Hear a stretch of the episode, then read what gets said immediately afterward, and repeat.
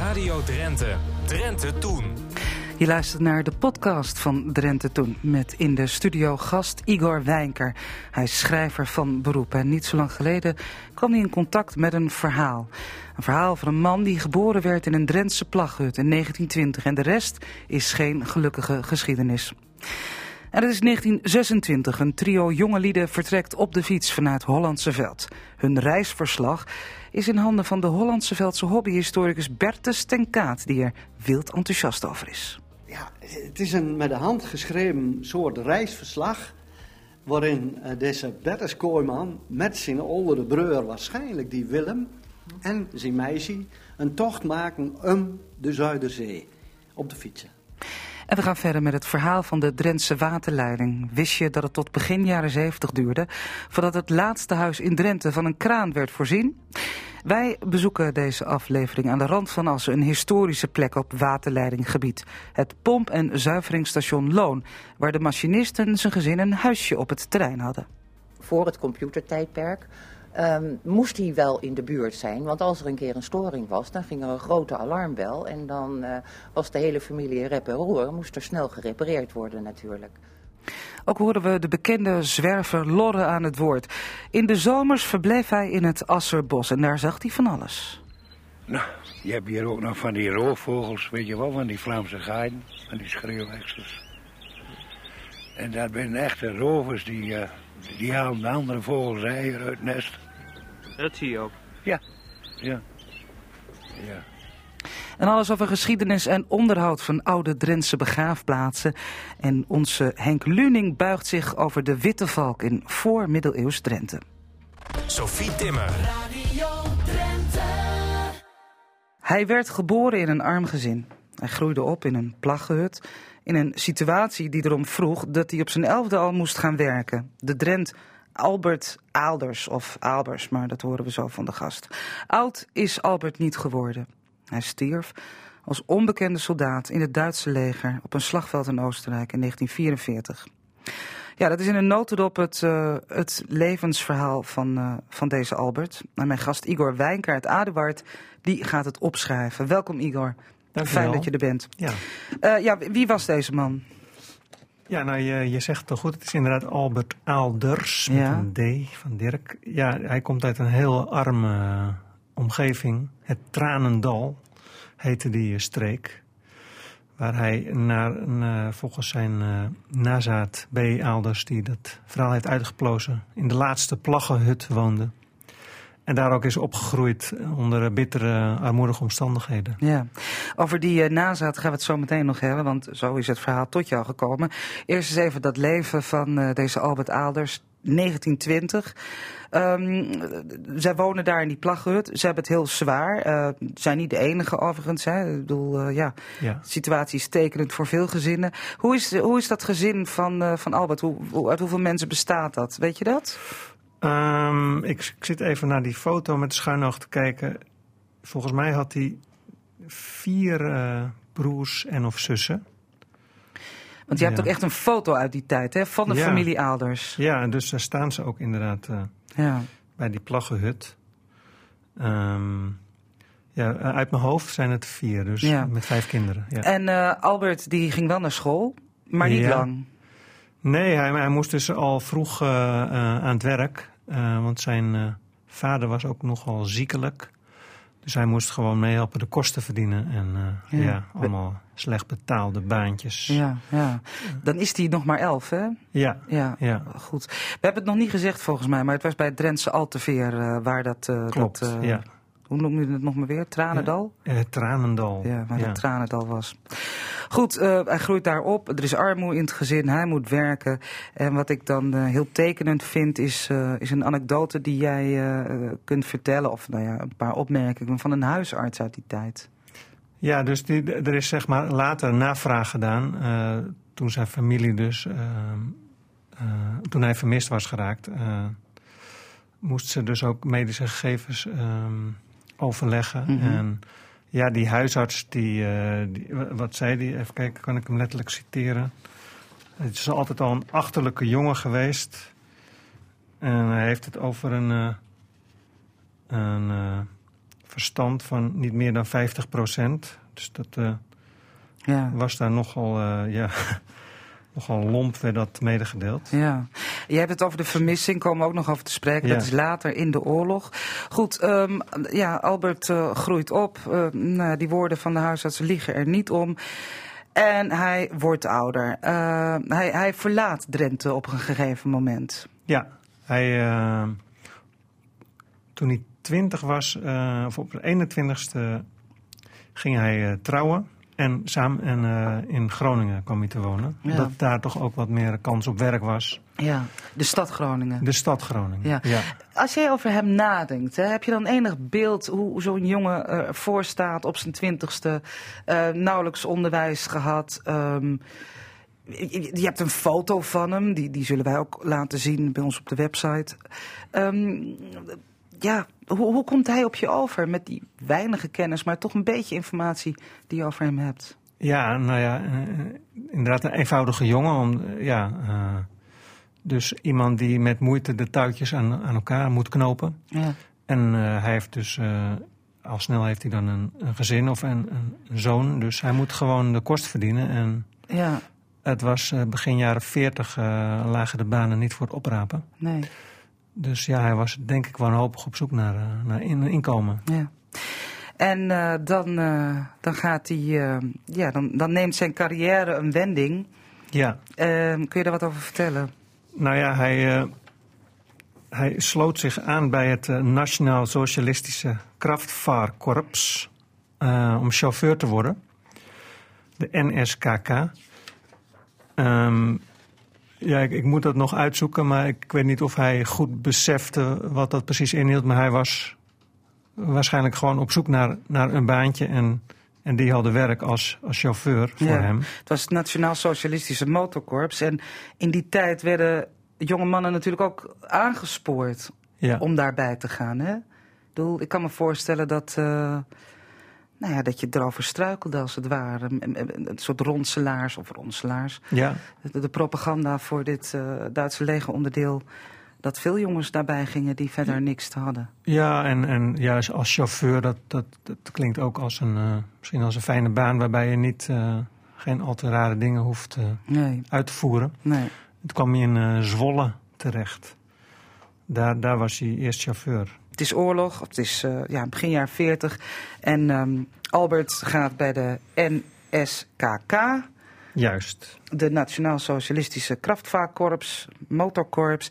En ehm, ja, dan neemt zijn carrière een wending. Eh, hoe, hoe gaat dat verder?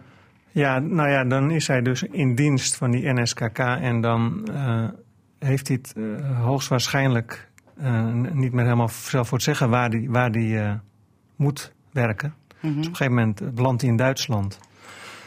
Ehm, en inmiddels is hij, heeft hij wel al een kind verwekt. Dus ehm, hij is in Duitsland aan het werk. Hij mag terug voor verlof om zijn kind die dan geboren is te zien. In Groningen? In Groningen, inderdaad. Dus dat, is, dat hij één keer zijn kind ziet. En hij blijft eh, te lang weg van dat verlof. En, eh, en als hij terugkomt, dan eh, moet hij eerst een tijdje in de gevangenis. Ehm, en later, ik hoop dat nog wel uit te zoeken, belandt hij nog een keer in de gevangenis. Ja, het is twee keer in de cel gezeten. Ja, ja. en ja, je zou kunnen zeggen dat hij dan min of meer is overgeleverd aan zijn, eh, zijn bazen. En uiteindelijk ook, ook in het leger belandt. ja. Onder dwang. eh, Ja, dat is wel eh, naar alle waarschijnlijkheid. ja.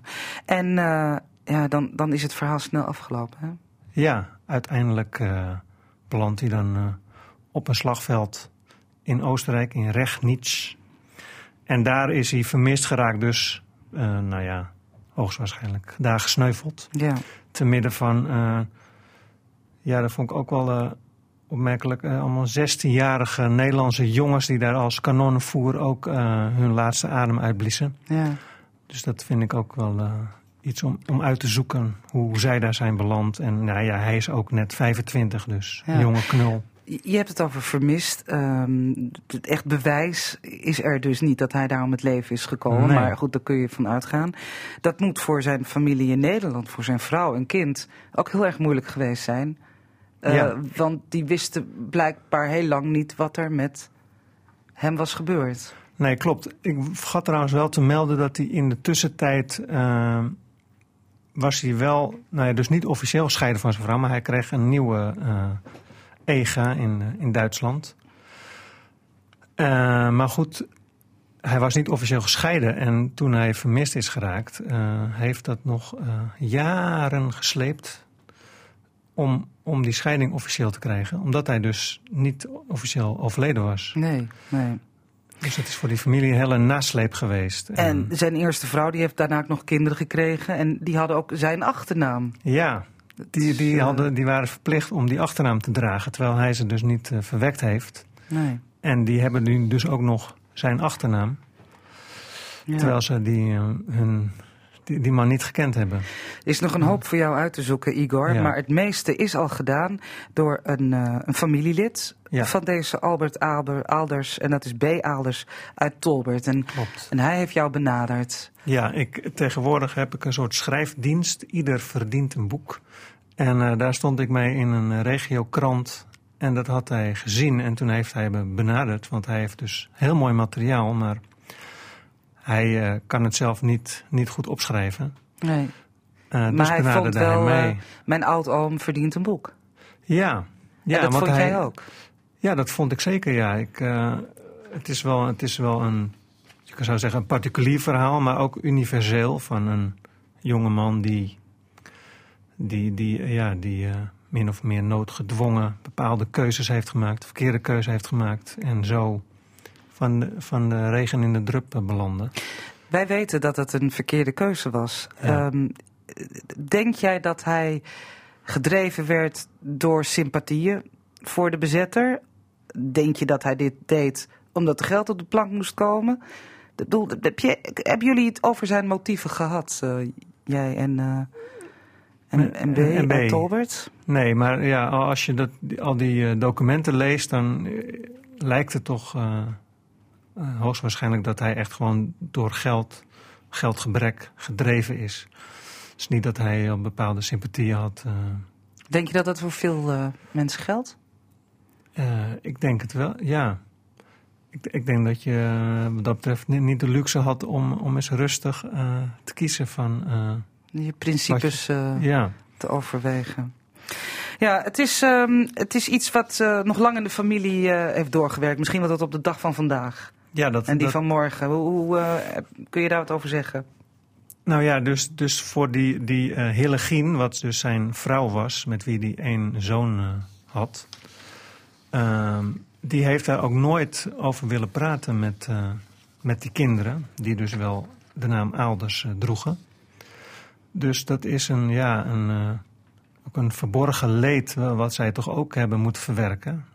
ja, dat, dat is vrij zwaar en ik kan me ook voorstellen dat, dat ze daar nog steeds ja. last van hebben dat ze dat met zich meedragen. En, ja. ja ik, ik hoop ze, of een van hen, wel te kunnen spreken. Maar...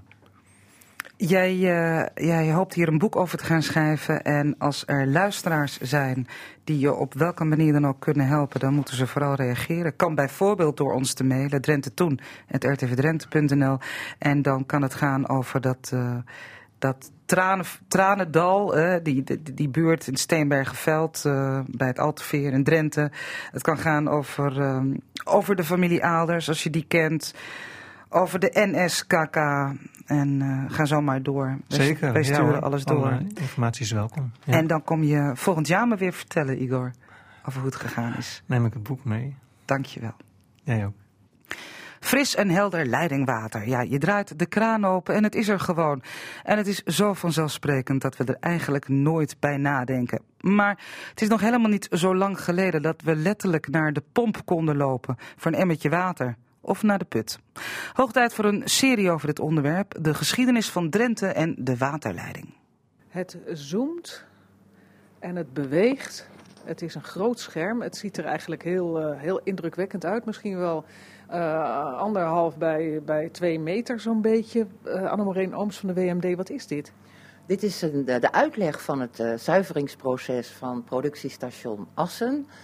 En dit is de manier waarop we dat deden voordat alle grote schermen die we nu kennen in gebruik waren. Het is een glazen plaat En daarop is het hele proces getekend en geschilderd. En aan de achterkant draaien allerlei raderen uh, die nu in beweging zijn gezet. En daardoor lijkt het net alsof je het water ziet stromen. Het is dus eigenlijk een soort computer, uh, computeranimatie avant la lettre. Precies. Uh, in 1992 is het productiestation hier aan de Lonerstraat opnieuw gebouwd. En er is toen een onthardingsinstallatie bijgekomen om het water zachter te maken. dus dit apparaat moet stammen uit 1993. Inmiddels ook al een kleine, een kleine 30 jaar oud. En jullie wilden toen dus kennelijk ook als, als WMD uh, eh, aan de mensen uitleggen uh, wat jullie allemaal doen. Is dat proces wat we hier zien, die waterzuivering, nog steeds hetzelfde gebleven? dat is nog steeds hetzelfde gebleven. Naast mij staat machinist Gerrit Blom. En die kan dat misschien nog beter vertellen dan ik. Gerrit, komt dit ding nog wel eens van stal? Jazeker. Maar tegenwoordig uh, ja, gebruiken we ook veel filmpjes, uh, grote schermen uh, ja, en huidige technieken. Mm. Hoe lang ben jij nu machinist hier op dit station? Um, even denken. Ik ben in 2002 officieel in dienst gekomen, dus dat is 17 jaar. En dat vak hè, van, van machinist, want vroeger had je dan één zo'n station. Uh, je hebt nou de hele provincie, dat is dus erg veranderd. Ja, vroeger uh, toen ik begon hadden we Drenthe nog onderverdeeld in drie regio's. Met elk een hoofdstation en uh, daaronder een aantal pompstations. En in iedere regio zaten dan een hoofdmachinist en een aantal machinisten. Maar uh, tegenwoordig ook met de huidige technieken is ook steeds meer mogelijk. Ik bedoel, uh, je kan op afstand inloggen. Het maakt niet meer uit waar je zit in de provincie. En ja, nu draaien wij dus over de hele provincie storingsdienst. Want Anne we staan hier in een, uh, in een gebouwtje met een, uh, met een geschiedenis, hè? Dat kun je wel zeggen. Dit gebouwtje heeft uh, verschillende bewoners gehad. Ja, dat is begonnen als pompfiltergebouw voor de drinkwatervoorziening van Assen. Die is van start gegaan in 1898. Toen is er ook een watertoren gebouwd. die bestaat nu helaas niet meer, die is afgebroken. Die stond aan de Rolderstraat bij de spoorbaan. En uh, later is uh, er een ander gebouwtje naast gezet, ook een monument overigens, waar toen de pompfilterinstallatie in kwam en werd dit het woonhuis van de machinist. Die woonde hier met zijn hele gezin. Want voor het computertijdperk um, moest hij wel in de buurt zijn. Want als er een keer een storing was, dan ging er een grote alarmbel. En dan uh, was de hele familie rep en roer. Moest er snel gerepareerd worden natuurlijk. Ja, dus die, die machinisten die woonden gewoon op het terrein van, uh, van de waterzuivering. Precies, en het hele gezin daarbij natuurlijk. Kind, vrouw, kinderen, uh, iedereen deed wel een beetje mee. En dan was er ook nog een speciale tuinman en vaak nog wat hulpmachinisten. Dus het was een, een gezellige familie hier. Allemaal hele andere tijden, Gerrit. Hè? Kun je daar nog iets bij voorstellen? Uh, ja, tegenwoordig gaat het inderdaad allemaal wat makkelijker. Uh, je hebt een semafoon. Het maakt niet meer uit waar je bent. En uh, je bent een stuk vrijer. Ja, je kunt die dingen ook op afstand bedienen? Ja, wij kunnen, het maakt niet meer uit waar je bent. Wij hebben een laptop en daarmee kan ik inloggen. En daar, dan kun je zien wat er aan de hand is en uh, of het nodig is dat je daar direct actie op onderneemt of dat het even kan wachten. Ja, dus je hoeft niet meer met je hele gezin hier op het terrein te wonen? Nee, dat hoeft niet meer uh, tegenwoordig, nee. En er was geen straf om hier te wonen, nee, toch? helemaal niet. Mooi stil, buiten Assen. Mooi plekje. Ja, we gaan even naar buiten. Uh, ik wil de buitenkant ook even bekijken van dit, dit pand. En dan kunnen we even verder praten over de geschiedenis van de, van de waterleiding. Ja. Um, en we lopen alweer. We staan nu buiten. Annemoreen Ooms, waar staan we hier? We staan in Assen, we staan even net buiten Assen. Wat is dit voor locatie? Dit is het productiestation waar het water uit het waterwingebied aan de Lonerstraat gezuiverd wordt tot drinkwater voor de inwoners van Assen. Een gebiedje met een, uh, met een grote geschiedenis, hè? want we hebben uh, het, uh, het gebouwtje net verlaten waar vroeger de, het pompstation in zat. Uh, maar er is hier ook van alles geweest en weer verdwenen. Uh, hoe is het begonnen ooit, die waterleiding? In Nederland uh, is uh, de, het idee voor een waterleiding gestart na de grote cholera-epidemie in 1866. Uh, er werden heel veel mensen ziek, heel veel mensen stierven ook, behalve in Amsterdam. En toen realiseerde men zich dat dat kwam omdat Amsterdam toen al tien jaar een waterleiding had. Dus mensen konden daar voor 1 cent een emmer van 10 liter water kopen. Um, en koning Willem III die besloot toen dat uh, waterleiding door het hele land aangelegd moest gaan worden in belang van de volksgezondheid. Dus, uh, maar ja, geld was er natuurlijk niet overal, dus dat duurde allemaal best wel lang. Hier in Assen zijn eerst uh, drie stadspompen neergezet. Eén daarvan staat nog in de Kleine Marktstraat of het pomppleintje. En de mensen vonden dat water eigenlijk niet zo lekker, want er zat vrij veel ijzer in dat grondwater en dat smaakte gewoon niet goed. En gingen ze liever naar de pomp die uh, naast nu het Drents Museum en vroeger het klooster stond. Die hadden wel goed water, dat was uit de 13e eeuw al voor de nonnen aangelegd. Ondertussen begon in Assen begonnen mensen zich wel druk te maken over die waterleiding. En een meneer Hazeu, die deed wat proefboringen hier in het veld aan de Lonerstraat. En hij ontdekte dat daar heel goed drinkwater zat. Grondwater waar je drinkwater van kunt maken. Hij heeft dat ook laten testen. Hij kreeg een concessie voor dat gebied en dat heeft hij een jaar later overgedaan aan de NV Asser Bronwaterleiding. En dat waren een groep notabelen. Uh, meneer Peling zat erbij, er zat een bankier bij, Van Gorkum, de boekhandel zat erbij, de directeur van de toenmalige Asserkrant. Uh, en die zijn dat gaan exploiteren. Die hebben daar aandelen voor uitgegeven. Er is hier een pompfiltergebouwtje geplaatst. Er zijn leidingen naar Assen gemaakt. Er is een watertoren gebouwd aan, de, aan het spoor. En um, toen kon er water naar Assen komen. Het was dus een commerciële onderneming en ze mochten dat 40 jaar exploiteren. Dat, dat waren dus mannen die uh, het, het, waarschijnlijk ook het beste met de mensen voor hadden, maar er ook wat aan wilden verdienen.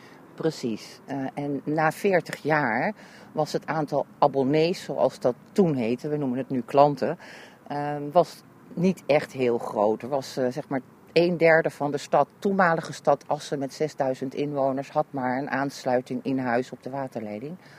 En toen heeft de gemeente besloten om het zelf te gaan doen. Dus het werd een gemeentelijk waterleidingbedrijf. En zo hoort het natuurlijk ook.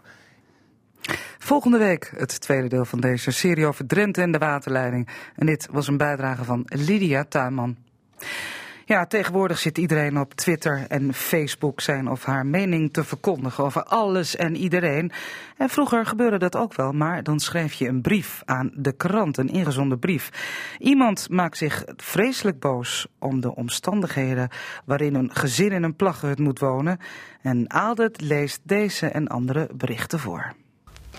Old Nijs. Ingezonden stukken. Dat is een rubriek in de krant die over het algemeen graag lezen wordt, want het bent vaak brieven van kraatlezers die het ergens ontzettend met oneens bent. En dat geldt ook voor de ingezonden brief die stiert in de provinciale Drijnse en Azerkrant van 1 juni 1866. De naam van de inzender is niet bekend, maar hij begint meteen fors. Meneer de redacteur, uitroepteken. In de krant van 30 mei jongstleden komt een bericht voor uit Schoonoord betrekkelijk een aldaar plaatsgehebbend ongeluk aan de arbeider PK en zijn gezin overkomen. Hierin wordt melding gemaakt van het instorten ener woning. De inzender vraagt zich af of onder de benaming van woning niet verstaan moet worden een gebouw of getimmerte geschikt voor menselijk verblijf. Want, zo giet de schrijver verder, dat het een gemetseld voorwerp is geweest, zou men moeten opmaken uit het slot van het bedoeld bericht, waaruit blijkt dat het knaapje levenloos onder het puin is teruggevonden. De maker van het bericht schijnt niet op de plaats des onheils bekend te zijn. Ware hij dit, hij zou de woorden woning en puin achterwege hebben gelaten. Want de schrijver van deze brief vond op den dag volgende op dien van dit ongelukkige voorval aldaar, namelijk in het Odoornerveen en niet te Schoonoord, zoals de berichtgever mededeelde, een bedroefd arbeidersgezin, bestaande uit man en vrouw, benevens een vijftal kinderen, tezamen in een vierkant hol van aardzoden opgezet, zonder deur, schoorsteen of enig lichtraam. Het licht baande zich een doortocht door een op dit vierkant geplaatste kap, bestaande uit enige zwakke dennensporen, bedekt met heideschollen, welke behalve voor licht genoegzame openingen voor regen en wind aanboden, terwijl een verstikkende rook dit hol vervulde. Men wees mij in den zuidoosthoek van dit akelig en schrikwekkend verblijf een plek op de grond waar zij naast elkander op enig stro gelegen hadden, alvorens de aardzodenmassa, en dit is de juiste benaming deze bouwstof, op hen neerplofte. Terzelfder plaatse stond nu de lijkkist hunner lieveling, want ook in die verblijven zijn de harten niet versteend en het ouderlijk gevoel niet verdoofd. Voor die plaats was geen plank of enige afschutting te vinden, welke aanleiding kon geven tot de benaming van bedstede of slaapplaats. En de briefschrijver wordt al kwaaien. En zulke verblijven durft men met de naam van woning bestempelen. Bij het heersen der runderpest wordt door de regering alles aangewend tot beteugeling der ziekte en de veehouders gezonde stallen voor vee aanbevolen. Bij het heersen der cholera moest de eerste maatregel zijn het omverhalen van die broeinesten van ziekte en onreinheid. Wij hopen, zo besluit de briefschrijver, dat de commissiën door de gemeentebesturen voor maatregelen ter voorkoming der cholera in deze dagen aangesteld, hun aandacht hierop vestigen en dat het ongelukkige gezin van PK ondersteuning geworden tot bekoming ener menselijke woning. Was getekend Schoonoord 1 juni 1866.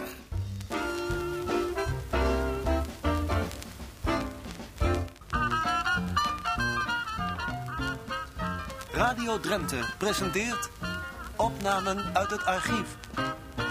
Ja, twee weken geleden, meen ik, zaten wij in het Asserbos. En toen ging het erover dat het bos ook altijd aantrekkelijk is geweest voor dingen die niet mogen.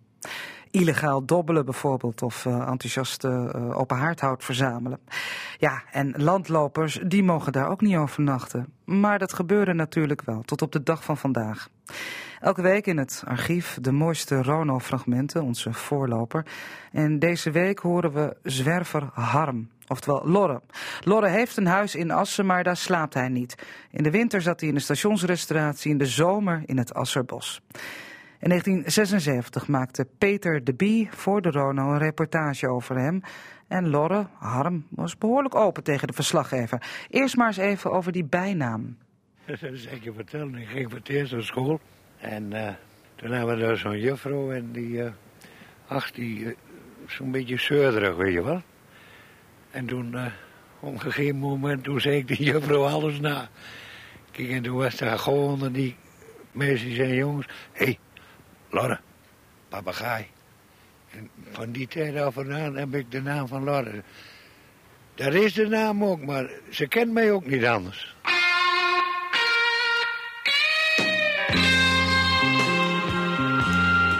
Winters zit Lorre in het stationrestauratie.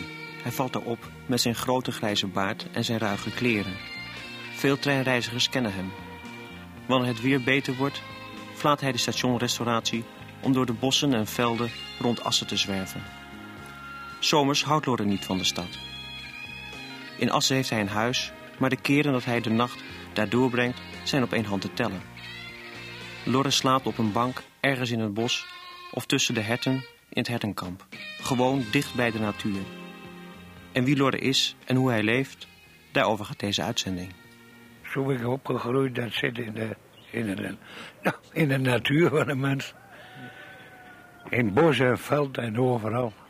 Daar ben ik, ja, dat ligt mij nu eenmaal. Maar dan loop je door, uh, door het bos heen en wat doe je dan? Nou, overal naar kijken en zo, weet je wel. Dat bestuderen en dat bestuderen. Ja, wat een ander niet ziet, dat zie ik. Uh, ik kan zomaar zo van de allerkleinste insecten. Die, die krijg ik zo dan op een moment, ik krijg in, in het vizier. En dan ga ik ze bestuderen. Ja. Maar buiten insecten zie je waarschijnlijk nog meer dingen. Ja, tuurlijk. Tuurlijk. Uh, nou, vogels die elkaar... Uh, nou, je hebt hier ook nog van die roofvogels, weet je wel, van die Vlaamse gaaien, van die schreeuwexels. En dat zijn echte rovers die, uh, die halen de andere vogels eieren uit het nest. Dat zie je ook? Ja, ja. ja. Kom je er veel mensen tegen op zo'n dag, als je door het bos heen loopt? Nou, dat moet mooi weer wezen. Zo, uh, zoals met dit weer, dan ben er ook niet veel meer. Een beetje straks als een beetje wat, uh, als de boom wat uh, bladeren eraan krijgt, dan, dan loopt er ook meer bos. Dan is er ook meer aardigheid. Ja. Maar dit is nu allemaal zo kaal en, nou ja, doe maar.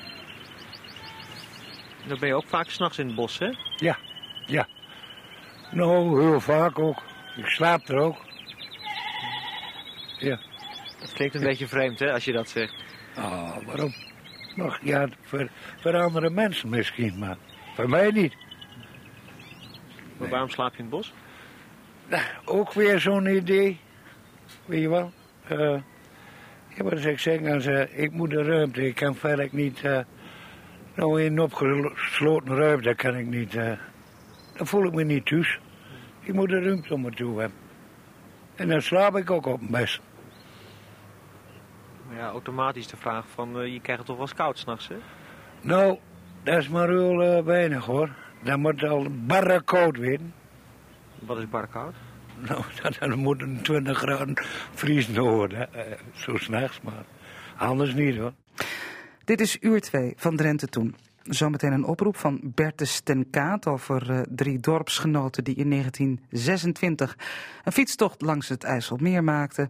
En Henk Luning vertelt over de witte valken in een voormiddeleeuws Drenthe. Maar eerst begraafplaatsen in Drenthe. Wie daarin interesse heeft om historische of bouwkundige of andere redenen, die moet opletten, want Landschapsbeheer Drenthe organiseert zeer binnenkort lezingen. Ze zijn denk ik zelfs al begonnen. En ook nog een cursus. En alles draait om die oude begraafplaatsen. En projectleider Anja Verbes zit bij mij aan tafel. Anja, welkom. Fijn dat je er bent. Dankjewel. Graag gedaan. Zeg, alleen al hier in Assen vind je een aantal oude begraafplaatsen die ons zoveel vertellen over wat voor storp, uh, dorp... Uh, uh, Assen en lange tijd. En daarna stad was. En dat geldt denk ik voor de meeste begraafplaatsen hier in Drenthe. Ja, zeker. Ja, nou, je ziet gewoon, sommige begraafplaatsen zijn nog niet zo heel oud. Bijvoorbeeld in de Veenkoloniën dateren ze pas van begin vorige eeuw of net einde 1800, zeg maar. Maar hier in Assen heb je natuurlijk oudere graven. Ja. Het is ja. een oudere stad, dus dan heb je ook oudere graven. Ja. En hoe komt het dan dat in de Veenkolonie uh, later begraven is? Want daar wonen toch ook al mensen? Jawel, maar daar had je natuurlijk heel veel van het gebied was gewoon nog veen. En um, pas in de vorige eeuw uh, is dat ontgonnen.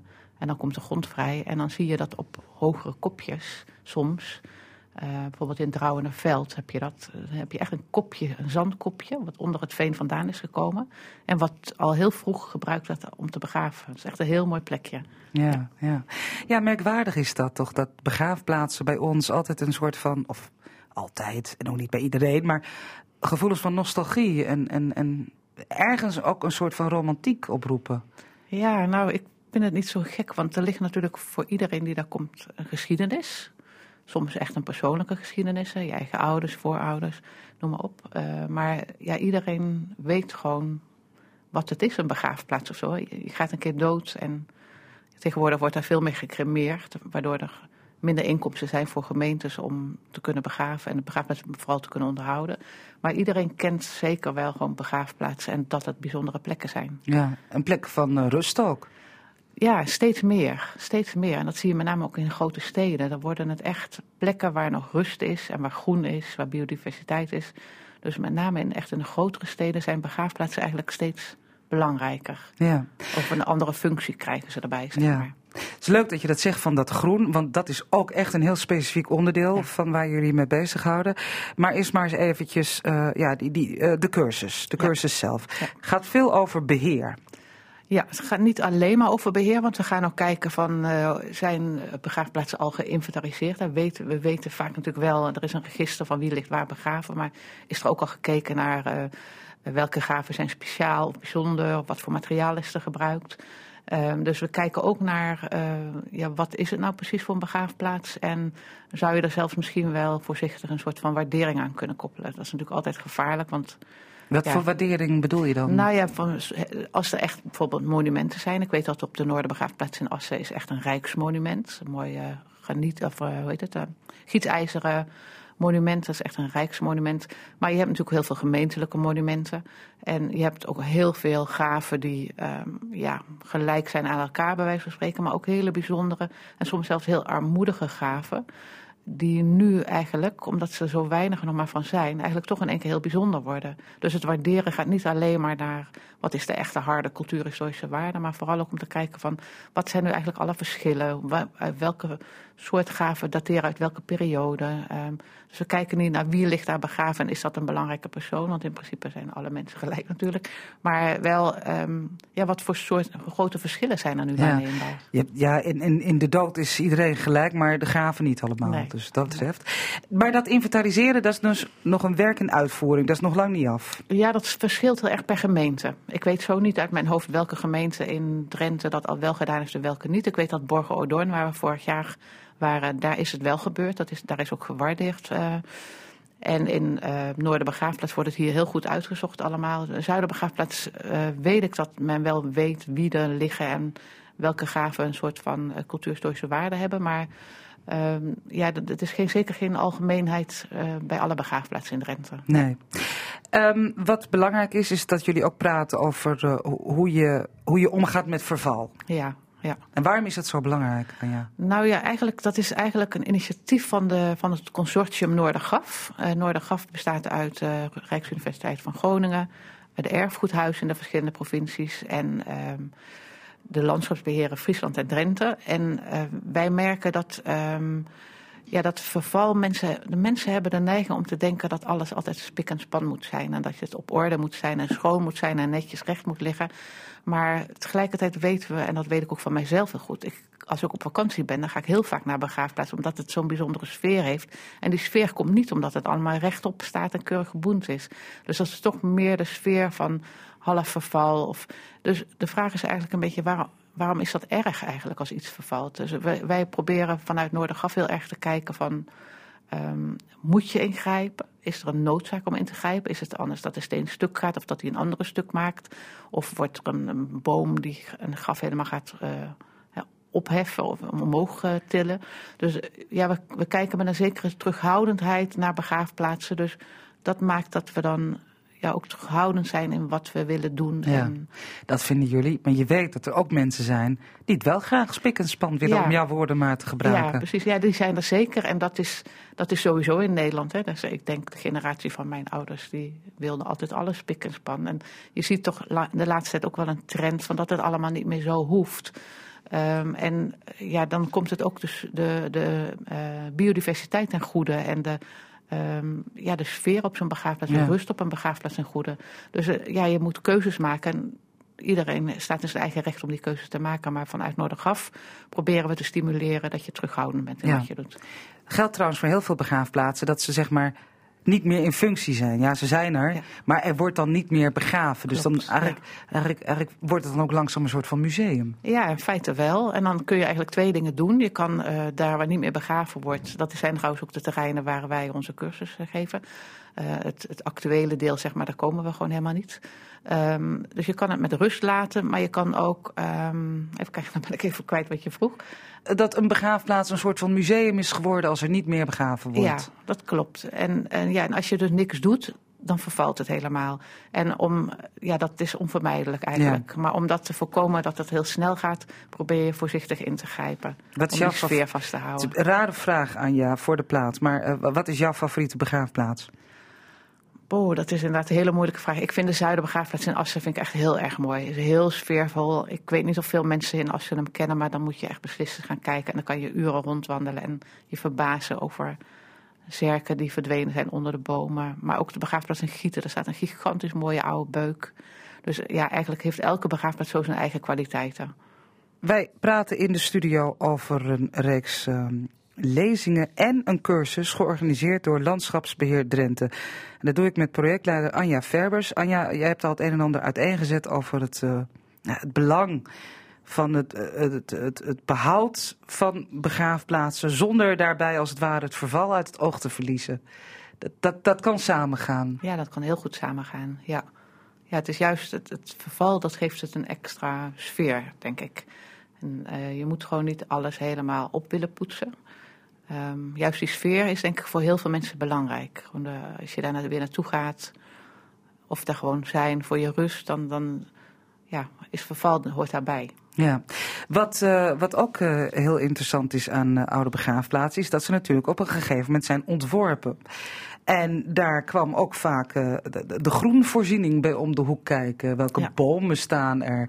Ja. Um, hier in Assen, de, daar staan lelietjes van Dalen. Nou, stonden die er honderd jaar geleden ook. Dat soort dingen. Daar besteden jullie ook aandacht aan. Ja, hè? daar besteden we ook aandacht aan. En wat je ziet is echt uh, begraafplaatsen die echt een, plan eronder hebben liggen. Een, een parkachtige setting of zo. Daar zie je ook echt vaak hele mooie oude bomen staan. Die dus al dateren van de, van de tijd dat uh, de begraafplaats ontworpen werd. Je ziet dus ook dat die bomen nu echt enorm groot zijn geworden. En ja, de, de begraafplaats voor een deel overheersen. Maar dat, dat is ook prachtig. Maar je moet dus wel nadenken, want er zijn soms bomen van, van 150 jaar oud of ouder.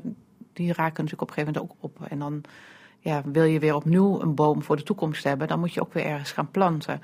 En je moet ook oppassen met takken die naar beneden vallen, dat die graven niet beschadigd worden. Maar ook um, hoe het gras nu bijvoorbeeld altijd gemaaid wordt. Alles wordt altijd keurig kort gehouden. Maar je zou ook na kunnen denken van zouden we er misschien wat meer een soort van kruidenrijk grasland van kunnen maken. Dan hoef je minder te maaien. En dan doe je ook nog wat aan de biodiversiteit. Of, um... Maar houden jullie ook rekening met het verleden als uh, bijvoorbeeld nieuwe bomen geplant moeten worden? Ja, je ziet vaak op begraafplaatsen dat dat wel specifieke bomen zijn. Noem eens een voorbeeld. Nou, bijvoorbeeld een mooie rode oude beuk of een, of een gewoon een mooie treurbeuk. Treurbomen zie je wel vaak. Hè? Dat, dat, die zie je niet zo vaak eigenlijk gewoon in, bij mensen in de tuin, maar die staan wel specifiek daar. Of hele mooie coniferen die, die echt al heel oud zijn en meertakkig zijn. Ja, dat soort dingen. Rhododendrons. Rhododendrons heb je ook wel, maar niet specifiek altijd. Dat is meer een landgoedstruik, ja. zeg maar. Goed. Ja. Um, daar praten jullie over. Dat is allemaal, dat, dat gebeurt, want we hebben nog niet over de cursus gehad, gaan we zo doen. Maar dat gebeurt bij de lezingen. Ook. Hoe, hoe, hoe zijn die lezingen opgebouwd? Um, nou, we hebben vier lezingen verspreid over twee avonden. De eerste lezing is uh, de, even kijken, dan moet ik even kijken, uh, komende dinsdag, of niet, dus morgen, ja. niet vandaag, maar volgende week dinsdag, de 24ste. 24 september. Dan gaat uh, Lucas Hoven iets vertellen over de begraafcultuur in Drenthe. En dat begint dan natuurlijk bij de hunebedden al. Uh, en Petra Hurkmans van de gemeente Borgen-Ordorn, die gaat iets over de juridische aspecten vertellen van de begraafplaats. Want een begraafplaats is vaak van een gemeente. En mensen kunnen niet zomaar zonder meer iets gaan doen op een begraafplaats. Het moet altijd afgestemd worden met de beheerder van de begraafplaats. Of het moet natuurlijk het graf zijn wat je zelf beheert, omdat het van je ouders is of familie is. Dus um, ja, hoe mensen dat nou kunnen aanpakken als ze iets willen, dat wordt dan verteld. En dan een week later, uh, dan hebben we René ten Dam. Dat is echt een funerair deskundige. Die kan echt heel veel vertellen over de cultuurhistorie van de begraafplaatsen. En daarna komt Ewart Timmermans aan de telefoon. En dat is ook een funerair deskundige, maar vooral met een groene achtergrond. Dus hij kan echt heel mooi vertellen over ja, al die aspecten die ik al tussen neus en lippen even noemde. Um, heel bevlogen iemand die ook heel erg pleit voor meer biodiversiteit op de begraafplaatsen. Dus dat zijn de lezingen. Daar kan men zich nog voor aanmelden. Uh, via onze website, via de agenda. Um, en daarnaast hebben we dan natuurlijk de cursussen. En die worden in drie verschillende gemeenten gegeven aan Hunze, um, Assen en dan de Zuiderbegraafplaats en in um, A en Hunze, zeg ik al. Assen, ja, en Midden-Drenthe. En Midden-Drenthe, ja. ja. precies. Assen, A en Hunze en de gemeente Midden-Drenthe. En ja. zeker bij die laatste gemeente kunnen jullie nog wel wat uh, ja, cursussen die is, gebruiken. die is ook pas uh, in november, dus daar hebben we nog een beetje tijd voor. Uh, dat begint nu een beetje te lopen. Maar uh, daar gaan we in Smilde en in Westerbork uh, aan de slag. En als mensen geïnteresseerd zijn, dan kunnen ze zich nog melden via onze website. Ja, ja een, een begraafplaats is als een geschiedenisboek. Ja. Waar je doorheen kunt lopen. Ja, in feite betreft. wel. Ja. ja. Alles staat op uh, www.lbdrenthe.nl, lbdrenthe aan elkaar.nl. Daar kun je je dus ook opgeven. Nou, je hebt ons al verteld wat je, wat je favoriete begraafplaats is. Anja, wil jij verder nog iets iets moois kwijt of een anekdote of iets wat jij weet van een begraafplaats wat wij niet weten? wat weet ik van een begraafplaats wat jullie niet weten? Nou ja, wat, wat mij verrast elke keer is dat elke begraafplaats toch weer echt heel anders is en een eigen sfeer heeft. En um, als je bijvoorbeeld um, in de veenkolonie bent, dan lijkt het vaak lijken ze wat strakker. Ze zijn natuurlijk ook wat nieuwer. Um, en ja, in, de in de grotere dorpen of steden zijn ze juist ouder en daardoor vaak weer iets meer verval zichtbaar. Hoewel dat dus ja, geprobeerd wordt om daar een halt toe te roepen. Maar ja, gewoon die mooie planten die daar groeien, de, de, de schots en scheefstaande zerken, dat, ja, dat is gewoon heel bijzonder. En soms heb je zelfs houten stijlen. Een, een, staande grafzerk noem je een, een stijlen. En ja, die staan dan een beetje te vervallen. En dat, daar zitten prachtige korstmossen op. En op de graven zelf trouwens ook. Ja, dat, dat is echt gewoon dat hoef je er wat jou betreft niet af te boenen. Nee, liever niet zelfs. Mooie gedichten ook niet te vergeten. Nee, nou, we, we weten nu een beetje hoe jij erin staat. Anja Verbers van Landschapsbeheer Drenthe, dank je wel voor je komst naar de studio. Graag gedaan. Het is 1926 en vanuit Hollandse Veld vertrekt een trio jonge lieden op de fiets. Ze maken een reisverslag en dat handgeschreven verslag is nu in handen van de Hollandse Veldse hobbyhistoricus Bertus ten Kaat. Hij is er behoorlijk enthousiast over. Het is een uh, met de hand geschreven boekwerk van uh, toeval bestaat niet, zegt men, Bertus Kooijman. Uh, en deze, deze Bertus Kooijman was de jongste zoon van dominee Kooijman. En dominee Kooijman was een legendarische Hollandse Veldse dominee. Die zelfs, ik geloof, meer dan 30 jaar in Hollandse Veld dominee west is. Uh, er is een straat naar de dominee genoemd en er is een school naar de dominee genoemd. Het was een heel bekende figuur. En hij had een, uh, een aantal kinderen, uh, waaronder bijvoorbeeld Jo Kooijman, die jarenlang journalist was en schreef voor Avro's Televisier en Algemeen Dagblad en het weekblad De Spiegel, om maar wat te noemen. Dat is heel bekend. Er waren, ik geloof, drie zonen en de oudste was Willem Koorman. En Willem Koorman is een, uh, die is ook al jaren dood natuurlijk, maar was een zeer bekend Luthers theoloog. dus die familie Koorman is een hele laten we zeggen, beroemde familie geweest. Ja, waren ook geen dommerikken dus? Nee, het, een hele, ja, en, en toch hebben ze dus heel lang in Hollandse Velden gewoond. Maar daar hoef je toch niet dom voor te zijn om in Hollandse nee, Velden... Daar, daar komt heel veel intellect vandaan natuurlijk. Hè. Ja.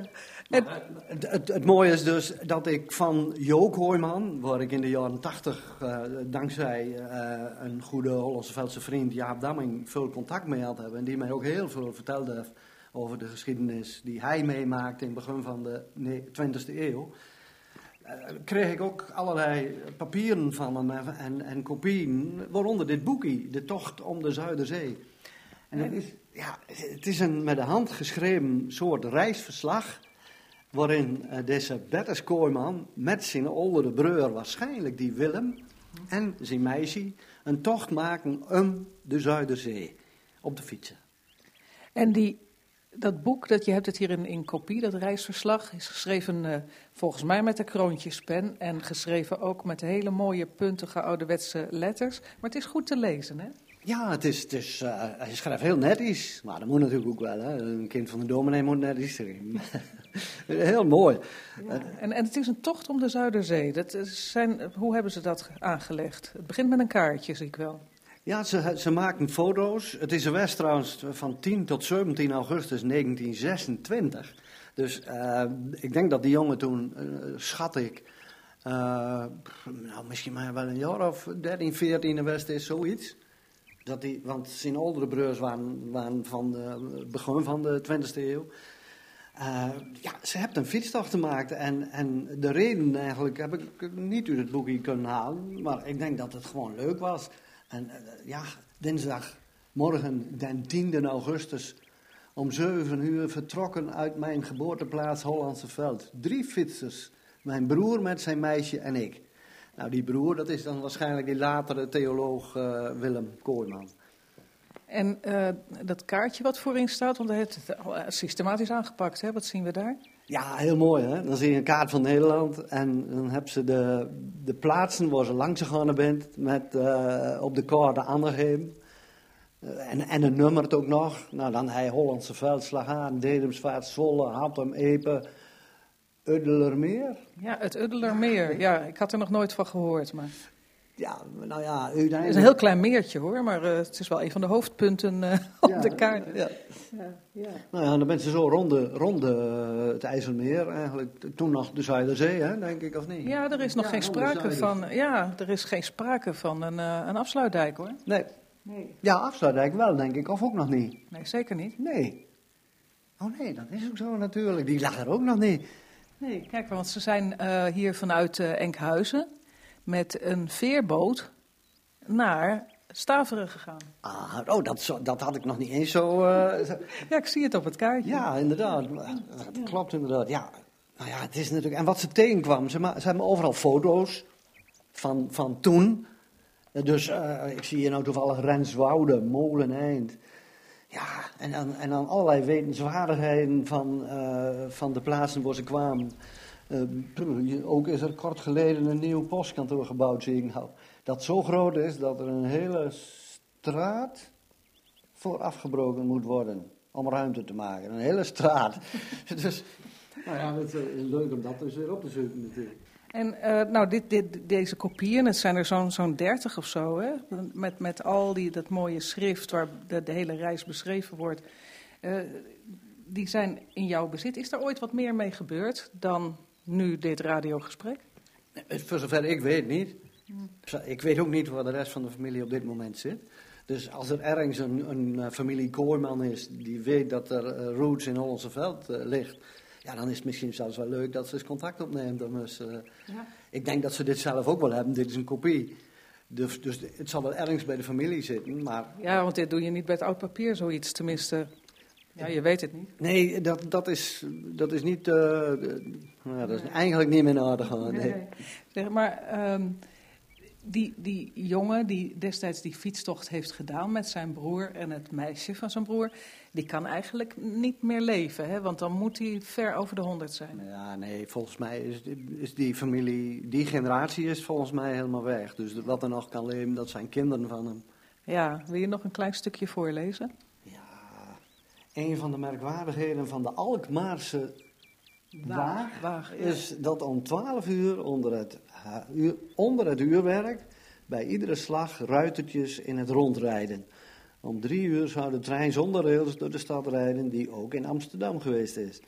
Hij had heel Amerika en Engeland al doorgereisd en had meer dan 60.000 kilometer afgelegd. Een trein zonder, trein rails. zonder rails. Dat zal dan wel een of andere bezienswaardigheid zijn. Oh, hier staat een kiek. Oh, ja, de trein zonder rails. Van Los Angeles naar het vasteland van Europa via Engeland. Nou, een hele mooie foto van... Een soort oude locomotief op luchtbanden. Ja, ja wel apart. Ja, en die achter... zijn dan bewonderd blijkbaar in, in, in hun, tijdens hun tocht. Ja, en in de achterste, kijk, er zit een wagon achter. En daar worden films vertoond. Ben Hur, de wonderfilm der wereld. De beste producties. Dus het is ook nog een rijdende bioscoop. Ja, een rijdende bioscoop met de film de wereld door. Ja, prachtig. Nou ja, dat zijn allemaal uh, bijzondere verhalen. We gaan eens een stukje van die, uh, van die route van deze jonge uh, kooiman gaan wij ook na reizen. Niet op de fiets, maar met de auto. Ehm, en dan eens kijken of we nog wat dingen terug kunnen vinden hè, die zij onderweg zijn tegengekomen. Ja, dat, dat is natuurlijk leuk om, te zien hoe, hoe ja, een, een, wereld zich even ontwikkelt. En zo'n beschrijving, eigenlijk zullen iedere mensen dat op enig moment in zijn leven moeten doen. Hè? Zo, zo'n zo'n soort verslag maken. Uh, tegenwoordig gebeurt het natuurlijk met de, met de mobiele telefoon, wordt van elke seconde bijna foto's gemaakt. Maar, de, maar ja, blijft het bewaard, hè, zoals dit? Ja, dat is natuurlijk het punt, hè? ja. ja. Bertus Tenkaat in gesprek met Lydia Tuinman. En Tenkaat doet dus een oproep, want hij is op zoek naar afstammelingen van de domineesfamilie Kooiman, die ooit in Hollandse Veld woonde. En misschien komen er dan nog wel veel meer interessante geschriften boven water. We gaan met Drenthe Toen overigens later dit jaar dit reisverslag rond het IJsselmeer eens volgen. Samen met Bertus Tenkaat. Nou, dat doe jij dan weer op de radio. Op zijn strooptochten door Drentse archieven stuitte historisch onderzoeker Henk Luning uit Assen op vermeldingen van witte valken. Nou ja, dat schreeuwde er natuurlijk om, om eens goed uitgezocht te worden. Wat volgt is een reconstructie van heel oude gewoonten uit een pre-middeleeuws Drenthe. Ja, ik moet eerlijk bekennen dat ik ook uh, daar nooit van had gehoord. Dat ik daar toevallig tegenaan liep in de encyclopedie van Drenthe. Uh, daarin staat dus iets over het valkengeld wat de bisschop van Utrecht uit Drenthe in ontvangst mocht nemen. En dat was dan uit de kerken van Anlo, Bijlen en Vries. En het is ook bekend dat de bisschop het jachtrecht in handen had in Drenthe. Als landsheer had hij het jachtrecht in handen. En ik vond dus ook dat de kerken, die drie kerken, oorspronkelijk die valken in natura moesten leveren. Dus levende witte valken. Echte nou, bestaande dieren. Ja, en dan denk je, goh, hoe, hoe kom je hier aan een witte valk in Drenthe? En, uh, en dan ga je dus nadenken. En dan blijkt dus dat het heeft te maken met een heergewaad, waarop de bisschop aanspraak komt. Ja, wat is een heergewaad? Nou, ik ben er in, intussen dus achter gekomen dat het is voor de kleding van de bisschop. Dus een bijdrage aan de kleren die de bisschop droeg. Die had altijd een mooi, mooi pak aan natuurlijk. Hè. En die moest ook wel eens een nieuwe hebben. Dus daar was dat geld voor bedoeld. Die, die valken waren dus ook geld waard? Uh, nou, vooral die witte valken, eh, die zijn heel veel geld waard. Nou, kan ik me voorstellen dat ze daar lelijk mee aan waren in die, uh, in die drie uh, kerkgemeenschappen, omdat ze dan die valken moesten leveren. Hoe, hoe doe je dat? Hoe kom je eraan? Nou, uh, witte valken die komen voor in IJsland, Groenland, in het noorden van Noorwegen. Dan heb je witte valken, die, die zijn aangepast aan, aan sneeuw en ijs, kun je zeggen. Kom je wat zuidelijker in Noorwegen en Zweden, uh, dan heb je bijna witte valken. En als die te veel jongen krijgen, dan wil ik die jongen nog wel eens een beetje naar het zuiden uitwaaieren. Dus dan kun je dus een bijna witte valk, die wil nog wel eens in Drenthe voorkomen. Nou, maar je kan je voorstellen dat ze zo zeldzaam waren en zo duur. Men ging echt in het noorden op jacht, dus er waren hele ondernemingen, dat kostte veel geld. En dan ging men dus ja, dat vervangen voor de geldbedrag. Dus die valk die werd al heel gauw voor geld gerekend. En uh, ja, dan was hij daar klaar mee. Maar dat moest de goede gemeente op, opbrengen. Maar toen die valk een keer een vaste geldwaarde had gekregen, uh, was die in ieder geval af uh, van die vangerij achter hem aan? ja, toen was dat afgelopen. Dat wil niet zeggen dat er geen valken meer in, in Drenthe werden gevangen. Dat is een ander verhaal. Maar het waren dus vooral de valkenswaarders die ja, die gingen tot over de Poolcirkel om, uh, om die valken te vangen. En, uh, en die werden voor veel geld aan de adel en, en, en aan diverse Europese koningshuizen werden die verkocht. Maar al vroeg in de middeleeuwen was die witte valk was omgezet in een bedrag in geld.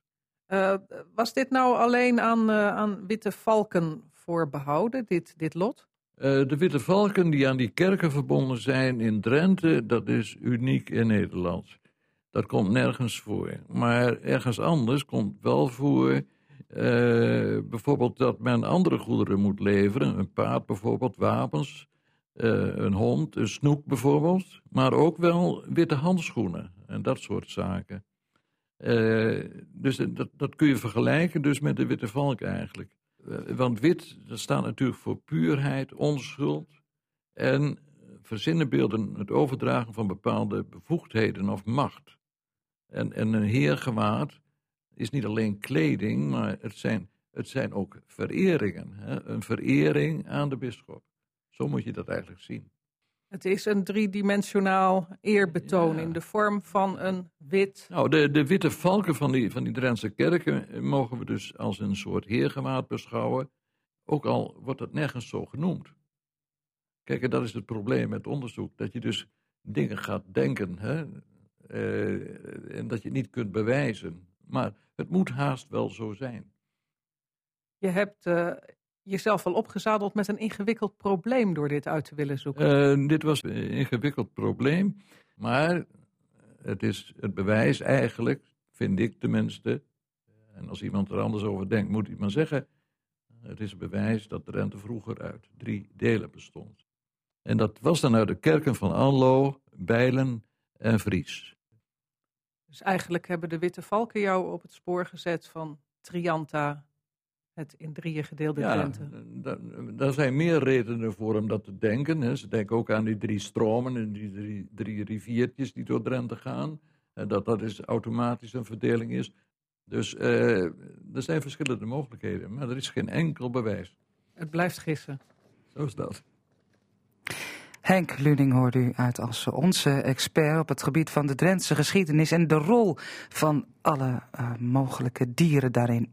Volgende week dan vertelt Luning over de jacht met valken in Drenthe. Dit was een bijdrage van Lydia Tuinman. Ja, het is alweer bijna zover het eind van Drenthe toen, het eind van deze uitzending. Maar niet zonder een jeugdherinnering van Wiebe Kruijer, zoals voorgelezen door Robert Oosting.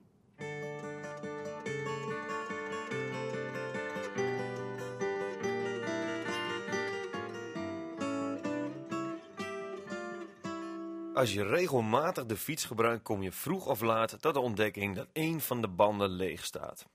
Zeker in mijn jonge jaren was dat nog wel eens het geval. De kwaliteit van de banden mag natuurlijk niet vergeleken worden met de banden van tegenwoordig. De binnenbanden waren vroeger rood van kleur en altijd een beetje poreus. Je moest geregeld je banden oppompen om ze op spanning te houden. In de 50er jaren kwamen de potdichtbanden op de markt en die waren zwart van kleur. Tegenwoordig zie je eigenlijk nooit meer rode binnenbanden. Zelfs de binnenbanden van de auto's zijn tegenwoordig altijd zwart. Of dat iets met de kwaliteit te maken heeft, weet ik eigenlijk niet. Als je vroeger een nieuwe band kreeg, dan was de oude band wel meer dan op de draad versleten. De oude, veelal gare band moest door de noodgedwongen keer op keer worden geplakt. En dat werd uiteindelijk kostbaar aan de eveneens steeds schade wordende solutie. Solutie was van het merk Simpson in het bekende rood-zwarte doosje en was het middel bij uitstek om je banden te plakken. Maar in de oorlog was het nauwelijks nog te koop. Als je een lekker band had, had je als schooljongen niet zo gemakkelijk je beschikking over een fietspomp. Aan de Kranenweg was echter een fietsenmaker die een slang aan het kozijn van zijn winkel had, waarmee je een lege band op kon pompen. Het gebruik daarvan kostte echter wel 2 cent, en 2 cent had je als jongen, zeker in het begin van de oorlog, niet op zak. Als je een lekker band had, was het of naar huis lopen of de meester vragen of hij je 2 cent wilde lenen. Bij meneer Van der Val kon ik altijd terecht om die 2 cent te lenen. Als vorm van rente heb ik hem eens een enorme grote appel meegenomen. Ik weet nog dat hij mij de volgende dag vertelde hoe zwaar die was, maar het gewicht, dat weet ik niet meer. Wel weet ik dat het een appel was van het ras Brandley's Seedling. Het probleem van lekke banden loste zich vanzelf op. Ik kreeg een soort van cushionbanden om de wielen. Mijn cushionband was een persoonlijke uitvinding van mijn vader en bestond uit een buitenband met daarin een stuk oude tuinslang. Of ik extra zwaar moest trappen, dat weet ik niet. Daar heb ik nooit over nagedacht, maar dat zal wel.